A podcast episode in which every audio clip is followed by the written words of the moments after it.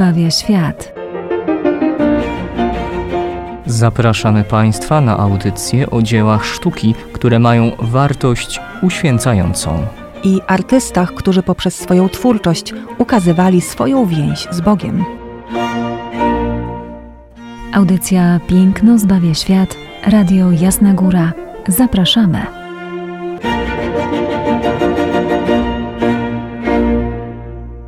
Pozdrawiamy Was gorąco, drodzy radiosłuchacze. Ojciec Tomasz Mordziałek i Izabela Banaszewska. W kolejnej audycji Piękno zbawia świat już przy końcówce oktawy wielkanocnej, w niedzielę miłosierdzia, stajemy oczywiście w czym jak nie cały czas w tym cudownym wydarzeniu, które dokonało się przez ręce Boga, to dokładnie mówimy o zmartwychwstaniu Chrystusa, bo to e, Bóg e, przecież dokonał tego ogromnego cudu, który potwierdza e, naszą wiarę. Jednak nie spoglądamy na to, co daje nam dzisiejsza Ewangelia, a szkoda o niewiernym Tomaszu. To mam tutaj połączenia bardzo osobiste z tym ale związane. Powiemy, powiemy niebawem. Tak, ale jesteśmy w innej scenie, innym momencie. Oczywiście związanym ze zmartwychwstaniem, a mianowicie jest to obraz noszący tytuł Nolime Tangere Fra Angelico Dominikanina, który tworzył w XV wieku. Dodajmy jeszcze, że we Florencji, bo to rzeczywiście malarstwo florenckie. A tak, jeśli chodzi o to, dlaczego zmieniliśmy temat, chcieliśmy po prostu bardziej, drodzy Państwo, chronologicznie, bo jak wiemy, Maria Magdalena była pierwszą, której ukazuje się zmartwychwstały Chrystus. Stąd też wybór naszego tematu padł na Nolime Tangere, które serwuje nam w postaci fresku Fra Angelico, tak jak ojciec e, wspomniał, XV-wieczny e, florencki artysta. To zakonnik, a dodatkowo dodajmy jeszcze błogosławiony Kościoła katolickiego. Do godności błogosławionego podniósł go nie kto inny jak polski papież Jan Paweł II. Ale wróćmy jeszcze do naszego fresku. Nolime Tangere. Cóż to za tytuł przedziwny, cóż to za motyw przedziwny, o co w tym wszystkim chodzi? Otóż, y, drodzy Państwo, spoglądamy w tej chwili na fresk z 1440 roku, więc pamiętajmy, że jesteśmy w XV wieku. Łacińskie nolime tangere znaczy nie dotykaj mnie. I tutaj już musimy powiedzieć kilka słów na temat wulgaty, czyli łacińskiego tłumaczenia Pisma Świętego przez świętego Hieronima on to właśnie użył takiego sformułowania noli medangere. To sformułowanie, czyli wprost, nie dotykaj mnie, niewiasto, a za chwileczkę powiemy, o którym momencie Pisma Świętego mówi właśnie to sformułowanie, wydaje się, że tutaj święty Hieronim powiedział coś więcej niż mógł powiedzieć, gdyż grecki odpowiednik oznacza taką czynność długo e, wykonywaną, długotrwającą i bardziej odpowiadałoby to tłumaczeniu, jakie my w tej chwili obecnie znamy, czyli nie zatrzymuj mnie niewiasto. Ojcze, może przytoczmy fragment e, Ewangelii, żeby tutaj zaznajomić naszych słuchaczy z tym, o czym my dzisiaj mówimy tak dokładnie. Przedstawia nam to święty Jan, a mianowicie zaczyna się to następująco. Maria Magdalena natomiast stała przed grobem płacząc. A kiedy płakała, nachyliła się do grobu i ujrzała dwóch aniołów w bieli, siedzących tam, gdzie leżało ciało Jezusa, jednego w miejscu głowy, drugiego w miejscu nóg. I rzekli do niej, niewiasto, czemu płaczesz? Odpowiedziała im, zabrano pana mego i nie wiem, gdzie go położono. Gdy to powiedziała, odwróciła się i ujrzała stojącego Jezusa, ale nie wiedziała, że to Jezus. Rzekł do niej Jezus: Niewiasto, czemu płaczesz? Kogo szukasz? Ona zaś, sądząc, że to jest ogrodnik, powiedziała do niego: Panie, jeśli ty go przeniosłeś, powiedz mi, gdzie go położyłeś, a ja go wezmę. Jezus rzekł do niej: Mario.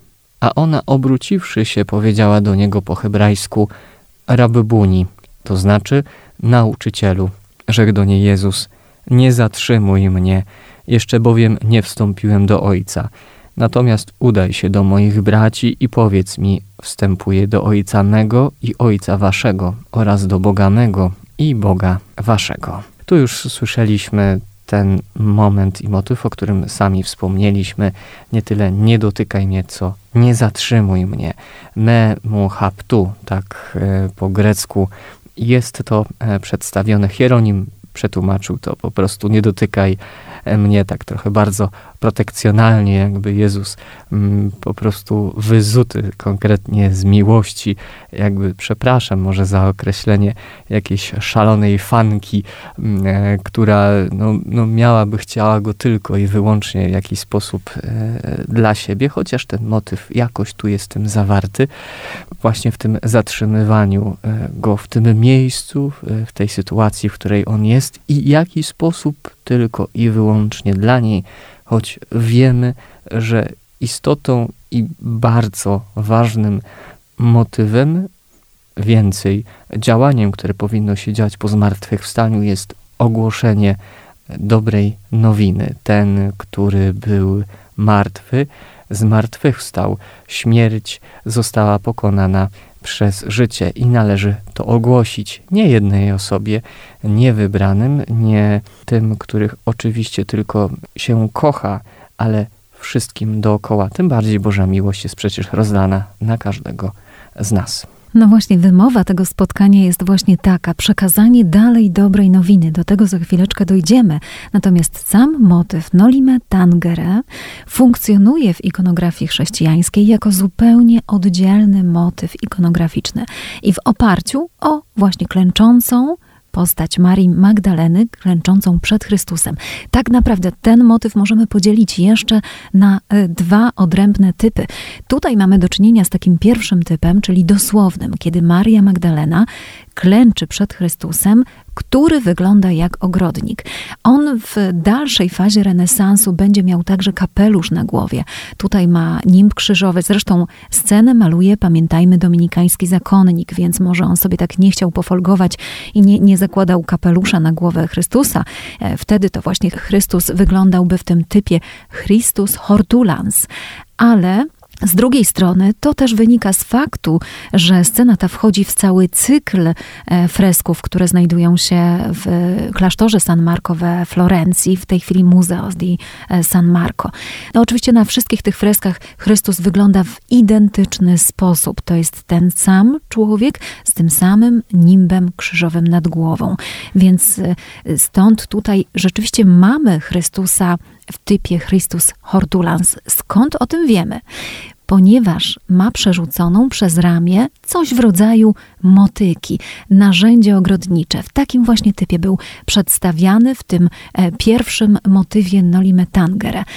W takim typie również widzieliśmy ogrodzenie drewniane lub, lub też wiklinowe. To wszystko się tutaj znajduje, a w centrum przedstawienia drzewo. Drzewo, które zawsze wyrażało nam pewien rodzaj osi, dzielącej przedstawienie na dwie części. I tutaj ta oś jest bardzo wyraźna. Jest to drzewo egzotyczne, palma, więc y, rodzi pewnego rodzaju odniesienia również do drzewa rajskiego, a sam ogród do intymnej przestrzeni wewnętrznej, do hortus conclusus, który kojarzymy z postacią Maryi, ale tutaj również, jak za chwilę się dowiemy, Chrystus dokonuje pewnego rodzaju operacji ogrodniczej na y, sercu Marii Magdaleny. Dlaczego? Ponieważ w momencie, kiedy mówi do niej Mario, kiedy odzywa się do niej, to ona nagle go dostrzega. Zobaczyła. To jest ten moment, kiedy ona zobaczyła, kiedy klęka i wyciąga do niego rękę, aby go dotknąć, aby go objąć, tak? A on delikatnie usuwa się w takim tanecznym nieco kroku, usuwa się, odsuwa się, mówiąc: Nie zatrzymuj mnie. Trzeba dodać tutaj istotne, że gdy Jezus zwraca się do Marii, po imieniu, czyli w tej kwestii takiej istotnej imię dla Izraelitów było rzeczą związaną z ich istotą, e, tym niejako do czego zostali powołani i tak dalej. Tu też możemy e, dotknąć motywu zmiany e, imienia Szymona na Piotr. Wcześniej Jezus, zwracając się po prostu do niej niewiasto, ona kompletnie nie orientuje się, z kim ma do czynienia. Nawet głos wydaje jej się w pewien sposób obcy. Dopiero przez słowo Mario, czyli imię, istotę. Jezus dotyka tego, co tego najgłębsze, serca. tak, Właśnie tego e, serca. tej intymności. Dopiero wtedy ona go dostrzega. I tu są dwa motywy, które możemy, na których można się też zastanowić. Jeden z nich jest po pierwsze rozpacz, żal i smutek tak głęboki, w którym Maria Magdalena była z powodu raz śmierci swojego mistrza i tego, że nie ma go w grobie, że jego ciało, że to, co po nim zostało, nazwijmy ta ostateczna pamiątka w postaci ciała zniknęła, że nie może już być blisko mistrza i to nie pozwoliło dostrzec jej, że jest on obok niej.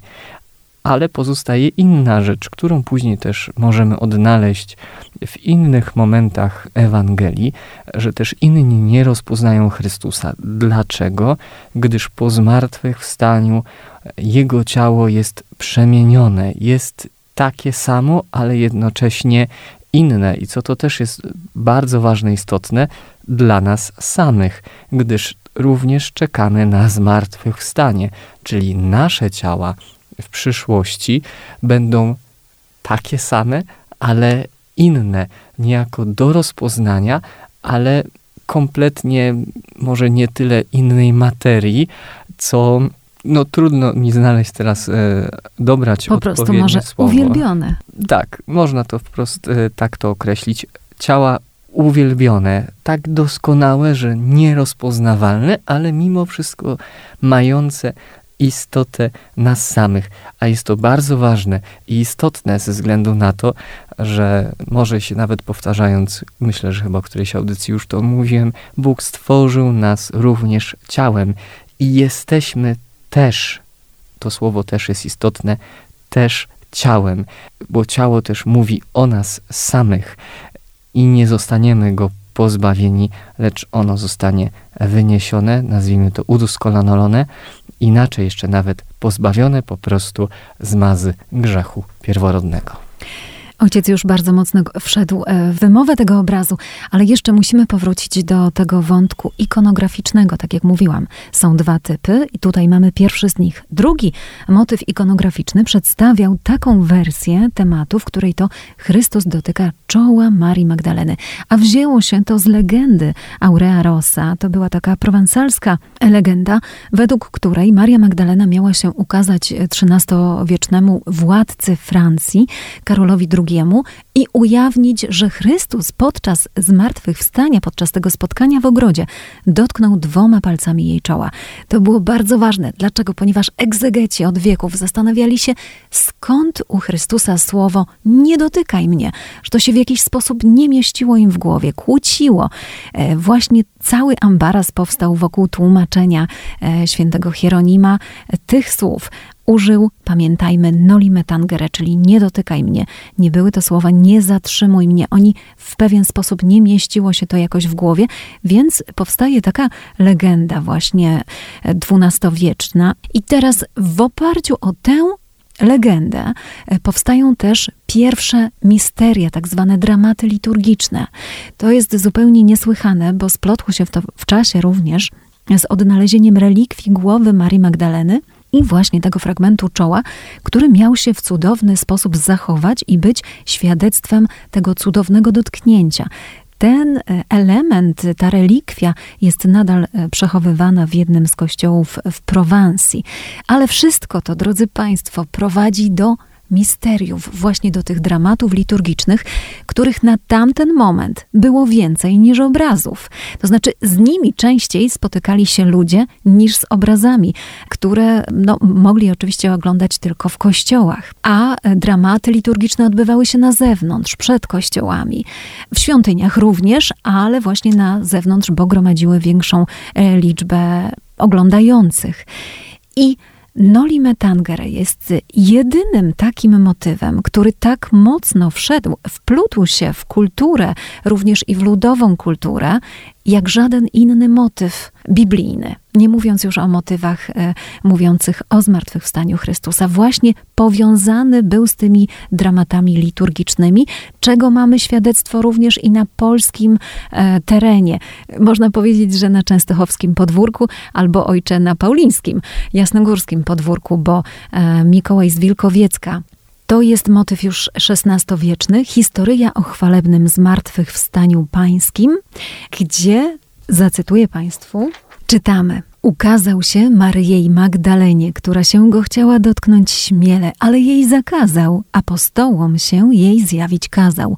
Ona, mniemając być ogrodnika, przywitawszy jako szlachetnika, tak go spytała, gdzie twa łaska Krysta położyła? Jaciem Chrystus, o którym się pytasz. Otóż mię masz, gdy mię pilno szukasz. Bądźże wesoła, gdyś już swego Pana oglądała.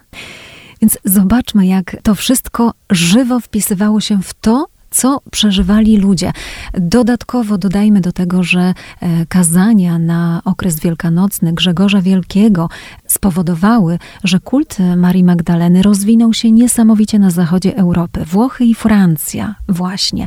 A przez to e, te misteria przeszły, przechodziły przez całą Europę i tak jak mówię, w XVI wieku bardzo żywe były także i w Polsce.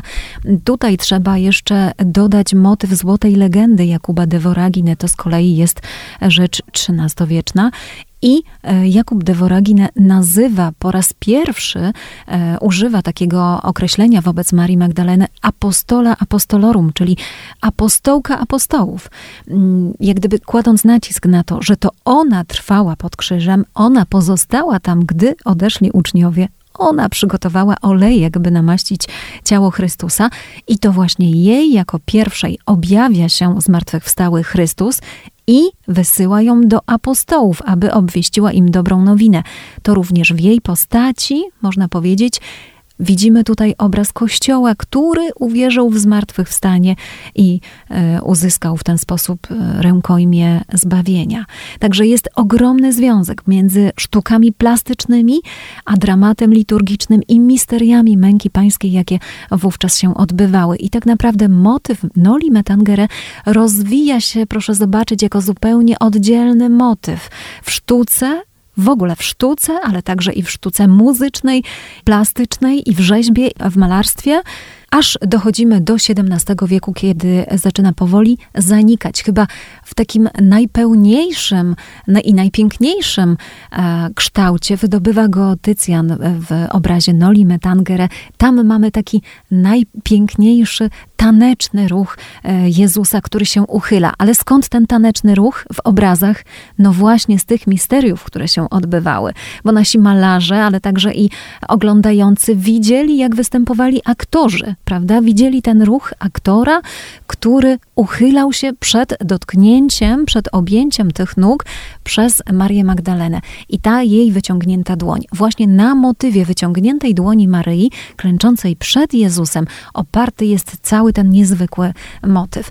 No i teraz szybciutko musimy już, bo nam coraz mniej czasu zostaje, wędrować do naszego wspaniałego obrazu, który ukazuje nam tutaj pejzaż, przestrzeń. Jest wiklinowy, czy też nazwijmy go drewniany płot, jest ogród, jest cała masa roślin, które tutaj zostały wymalowane. Jest Chrystus w typie Chrystus hortulans, no i o, oczywiście Maria Magdalena klęcząca. I to, co się odbywa, co jest sednem tego obrazu, odbywa się w spojrzeniu pomiędzy tymi dwoma postaciami. I jeszcze zobaczmy to drzewo, tę palmę, która wyznacza symetryczną oś, tak jak wspominałam na początku. Ta oś dzieli przestrzeń w obrazie pomiędzy te dwie postacie. No i teraz, jeżeli spoglądamy na rękę Marii Magdaleny, to widzimy, że ona tą ręką wchodzi w przestrzeń w obrazie należącą do Chrystusa. Dzisiaj byśmy powiedzieli, naruszyła strefę komfortu, prawda? No właśnie, w ten sposób artysta chciał oddać to Noli me. Nie zatrzymuj mnie jeszcze, niewiasto, gdyż nie wstąpiłem do Ojca mego. E, pamiętajmy, że jest to e, obraz, e, mówiłam, że ten motyw występuje od IV do XVII wieku. Tutaj mamy obraz z XV wieku. Misteria męki pańskiej i ten dramat liturgiczny rozwija się między X a XVI wiekiem, więc tak naprawdę nasze malowidło jest uplasowane w środku, tak? Rozwoju e, motywu w sztukach plastycznych, jak i w sztukach muzycznych. To jest dla nas też, też ważne. Oczywiście cały obraz jest stylizowany, czyli roślinność jest stylizowana, choć widzimy, że palma jest palmą. Skała, grota jest stylizowana, choć ma obramienia już wejścia renesansowego. No i roślinność. Także e, nie możemy mówić w stu procentach absolutnie o roślinach, które tutaj się mogą znajdować, ale możemy się ich domyślać. Niech botanicy i ogrodnicy ewentualnie nas poprawią albo sami doszukują się, co faktycznie Fra Angelico chciał namalował. namalować. Tak, no ale jest kilka takich roślin. Tutaj ojciec sobie także przygotował. Ojcze, jakie tutaj rośliny widzimy? No ja znalazłem, ale to nie ze względu na to, że jestem y, jakimś znawcą, jeśli chodzi o, o kwiaty, że nie jestem znawcą botanicznym, ale mamy do czynienia między innymi ze szczawem leśnym, e, pierwiostkiem i perłówką zwyczajną. Co ciekawe, jeśli chodzi o samą e, perłówkę zwyczajną, jest to drobna roślina o białych e, kwiatach i w miarę wzrostu zwiększa się i wydaje się tworzyć taką amortyzację e, pod stopy. Szkocka legenda e, podaje, że owa perłówka utworzyła miękki dywan dla Chrystusa, gdy opuszczał grobowiec. Roślina też była postrzegana jako błogosławiona i ochronna w szkockich górach. I możemy zobaczyć faktycznie na samym obrazie, że to będzie chyba właśnie ta perłówka. Perłówka, tak. Że na niej mamy ślady krwi. że Jezus faktycznie wychodząc z grobu, tym tanecznym krokiem, takim muśnięciem przechadzał się po tych kwiatach i możemy zobaczyć faktycznie e, ślad, e, dokładnie przejście, jakiego e, dokonał Oczywiście trzeba e, obraz dobrze przybliżyć i e, wpatrzyć się w te miejsca, ale naprawdę da się to zobaczyć. I naprawdę warto, bo drodzy Państwo, znajdują się tutaj w obrazie ślady krwi na liściach bardzo mocno widoczne są przy e, stopach Chrystusa. Tam jest pięć liści, na każdym z nich ślad krwi. Oczywiście symbolika pięciu ran Chrystusa, ale niezwykle ciekawe są także i rośliny. Jest pięć kwiatów, które znajdują się pomiędzy Marią Magdaleną a Chrystusem, w tej przestrzeni pomiędzy nimi. I do złudzenia te rośliny przypominają tutaj niecierpka. No i teraz, drodzy Państwo, ciekawostka botaniczna, tym razem z XVII-wiecznej powieści dyskursywnej Stanisława Herakliusza Lubomirskiego. Stanisław Herakliusz Lubomirski pisze. Odnajdujemy następującą wzmiankę o czujnym zielu, jest ziele, które już nieraz w ogrodach Europy gęsto znajduje się, a to nazywa się czujne ziele, po łacinie herba sensitiva, a drudzy zowią go ogrodnicy nolime tangere. To ma z ręką ludzką antypatyją i nie cierpi wszelkiego dotknienia, bo oczywiście listki podługowate na kształt paproci, ale mniejsze umyka i stula do kupy, jakoby najbardziej czuło, kiedy go kto dotknie, co wielkie patrzącym podziwienie, a niewiadomym ulęknienie nieraz sprawuje. No i kiedy sprawdzamy, drodzy Państwo, e, nazwę łacińską niecierpka pospolitego, to co widzimy? Impatiens noli tangere. No brzmi prawie jak cytat z Ewangelii. No coś niezwykłego, prawda? Zobaczmy, jak wiele szczegółów zostało zawartych w tymże obrazie. O jak wielu rzeczach zawartych w kulturze tej piśmienniczej, literackiej, ale także i muzycznej, czy w sztukach plastycznych niesie z sobą właśnie ten motyw ikonograficzny Nolime Tangere. Cały ambaras, jak już wspominaliśmy, pochodzi od świętego Hieronima, ale dzięki niemu właśnie, e, dzięki przekładowi Wulgaty, mamy wspaniałe przedstawienia właśnie tego motywu ikonograficznego, które nam pokazują właśnie tę intymną przestrzeń, ogród pełen roślin, w którym rozmawiają, ale bardziej poprzez spojrzenie z sobą Maria Magdalena i Jezus. I to jest właśnie ta niezwykła operacja, która dokonuje się na sercu Marii. On mówi do niej po imieniu, a ona dostrzega go. Słyszeliśmy naprawdę gro szczegółów i tego, co ma zawarte w sobie ten fresk stworzony przez ojca anielskiego, fra Angelico. Warto też, myślę, że zobaczyć, e, jak ten fresk jest umiejscowiony, a mianowicie został stworzony e, do klasztoru, a dokładnie do celi współbraci e, Fra Angelico, czyli Dominikanów. Mm, stworzył on e, freski, cały cykl dla swoich współbraci i miał w tym też konkretne intencje. Na przykład dla brata kucharza stworzył ostatnią wieczerzę. Bardzo miły gest y, i na pewno jego e, współbrat za to bardzo mu dziękował.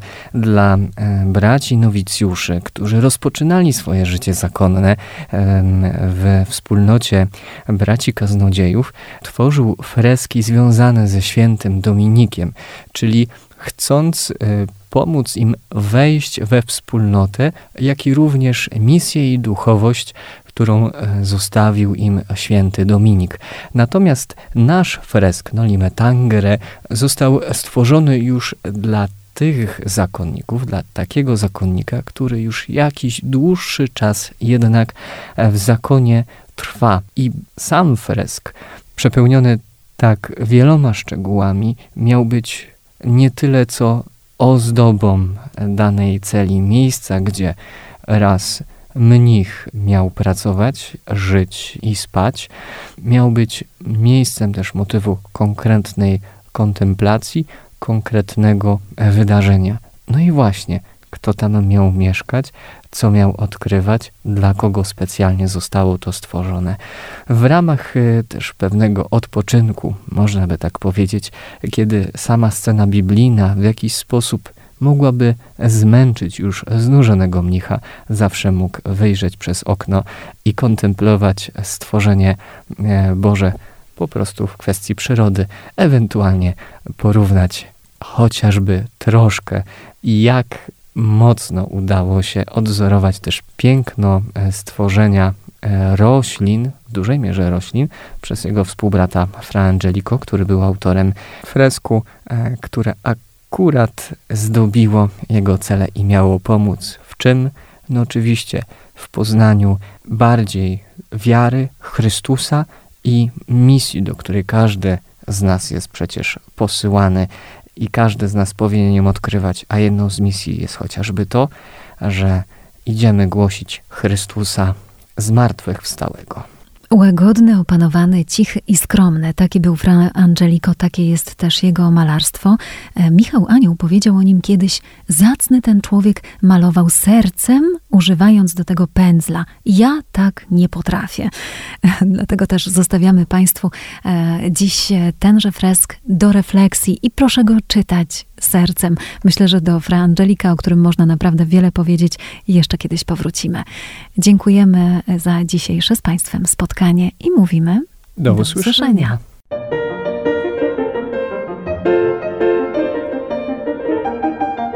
Piękno zbawia świat.